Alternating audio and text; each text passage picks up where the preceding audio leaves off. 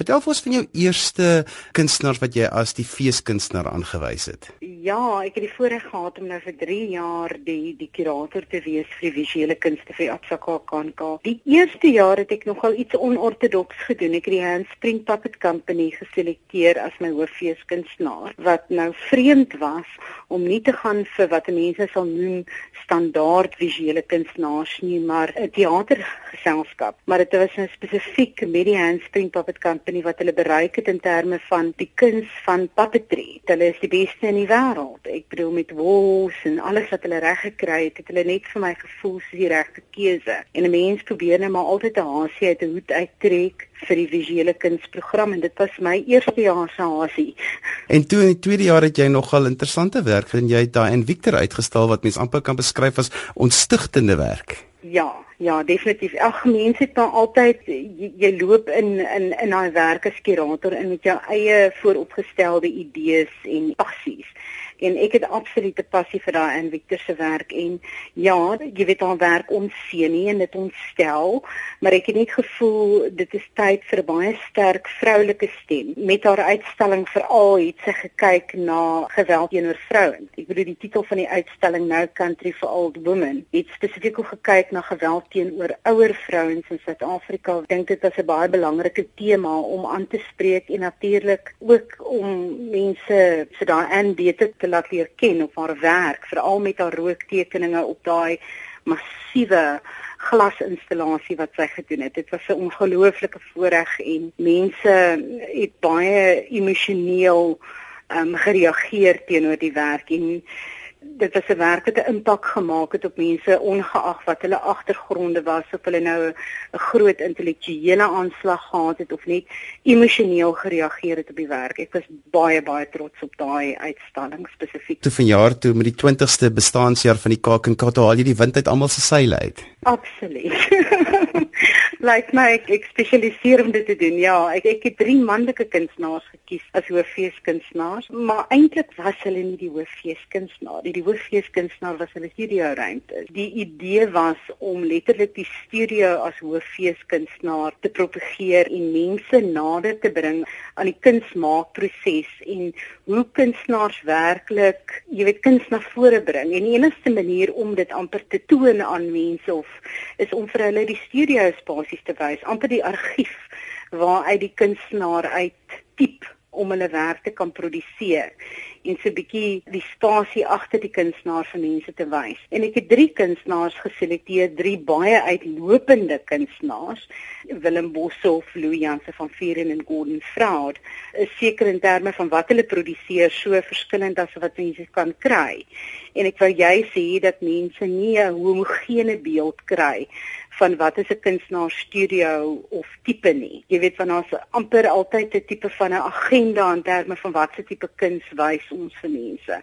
So ek was 'n bietjie neek met mense sag en da. So, uh, hoe besluit jy as 'n kurator op 'n feeskunstenaar? Weet jy, dit is altyd die grootste dilemma want toe ek oorgeneem het as visuele kurator, daar is so 10 seker fantasie kunstenaars met wie jy wil werk as 'n kurator. Ek bedoel Roger Bell en ek sou so graag met hom wou werk, Brett Murray, um Jane Alexander.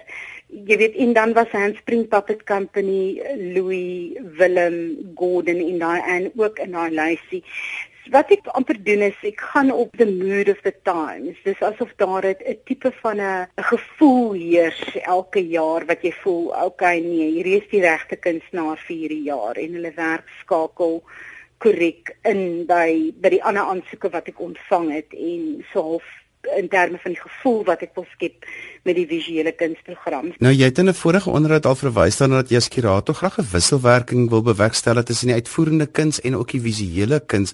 Wil jy vir ons 'n bietjie uitbrei daarop? Dit is nogal vir my baie belangrik. Ek moet sê dit dit is een van die groot voorregte en ek wil baie dankie sê vir al die akteurs en performers daar buite wat elke jaar die KAKNK visuele kunste kom ondersteun. Jy weet kunstenaars diep uit die wêreld rondom hulle uit en baie keer is daar hierdie interaksie tussen teater en en wat gebeur in die kunste. Daar's 'n 'n vreemde sinergie. Ek weet nie hoekom dit gebeur nie. Uh, kyk met die Handspring Puppet Company was dit baie direk om letterlik die kuns van die teater uh, as as 'n as 'n visuele kuns te bring na die mense toe. Ehm um, van die ander uitstallings wat dit gedoen het, byvoorbeeld in 2013 as ek dink aan Alex Hamilton se uitstalling amper almal wat amper hierdie ikoniese pop art blokkie images gebring het van groot legendes in die teater. Ek dink dit is belangrik dat mense besef dat kuns is nie net visuele kuns nie, dis nie net teaterkuns nie, dis nie net woordkuns nie. Dit, dit is 'n totale manier van lewe en dat daardie goeters beïnvloed mekaar en dat jy kry 'n geheel ondervinding van die kunste in Suid-Afrika juis as jy gaan na die fees toe. Nou Sandra, wat is die rol van 'n kurator veral vir die visuele kuns dan by 'n kunstefees? Ooh, dis altyd die vraag, nê. Nee. En ek dink dit hang af watter kurator en watter jaar en dan gaan jy 'n ander antwoord kry. Vir myself het ek altyd gesê, um, ek moet kyk na die teaterprogram. En my benadering teenoor die kunsprogram was dieselfde, baie gebalanseerd. Die nommer 1 kriteria vir my altyd was kwaliteit en akademiese en konseptuele integriteit in terme van die werke wat ek gebring het. Want dit is belangrik om te weet dat daar kom versamelaars, hulle wil 'n redelike sekerheid hê in terme van as hulle byvoorbeeld wil aankope doen maar dat jy 'n geheel visie skep van die visuele kunste dat jy nie net fokus sien op maar sterk op konseptuele kuns of installasiekuns nie of aan die ander kant net kyk na estetiese kuns nie, maar dat jy amper daai dinge heeks te posisioneer teenoor mekaar dat as iemand kom na die visuele kunste toe, hulle ietsie gaan vind of 'n uitstalling gaan vind wat gaan praat met hulle. So dit was maar my visie om 'n tipe van 'n gebalanseerde visuele kunsprogram daar te stel wat werklik die visuele kunste in sy totaliteit reflekteer jy weet 'n fees is anders as 'n museumuitstalling of 'n galery of spesifieke galery uitstalling. Dit moet groter en oper wees. En dit is natuurlik dan die moeilike ding as dit so wyd oop is, hoe skep jy harmonie? Um gewoonlik het ek dit gedoen deur redelik tematies te werk of om amper te kyk dat die een uitstalling 'n narratiewe aansluiting vind by die een langsom en op daai maniere mense amper op 'n reis geneem het deur die visuele kunste en dat dit vir hulle sinvolle ondervinding was. Sandra om die kurator te wees van 'n groot fees soos die Kaak en Kaas maar 'n ou warm stoel om op te sit. Vertel ons van die positiewe maar ook van die kritiek wat jy gekry het. O, Jesus, dit is 'n warm stoel. Positief, ehm um, weet jy, ek dink dat die visuele kunste oor die afgelope 3 jaar baie groot aftrek gekry.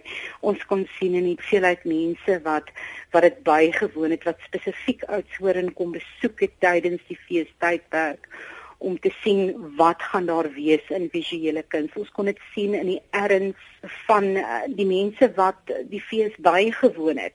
Ek kon dit ook sien dat daar was 'n um, vir my 'n tipe verbetering in die statuur van van die kunstenaars wat uitgestal het. So dit was positief. Die kritiek wat 'n mens altyd ontvang um, as 'n mens die kurator is van van 'n fees, is dat mense amper wil hê jy moet uh, meer volgens museumstandaarde kurateer. Daar is definitief waarde aan daai redenasie, maar vir my ek sal fouteer. Ek sal eerder um iets sinvol um curate vir 'n vir 'n fees eerder as vir 'n museum. But I want you to be tighter in terms of how you curate en dat jy baie meer spesifieke temas gee. My eie aanslag was nee. Ek wil hê dat dit die visuele kuns in Suid-Afrika totaal reflekteer en ek sal eerder ehm um, fokus op seleksies van sterk uitstallings ehm um, wat partykeer uh, diverse temas gehad het.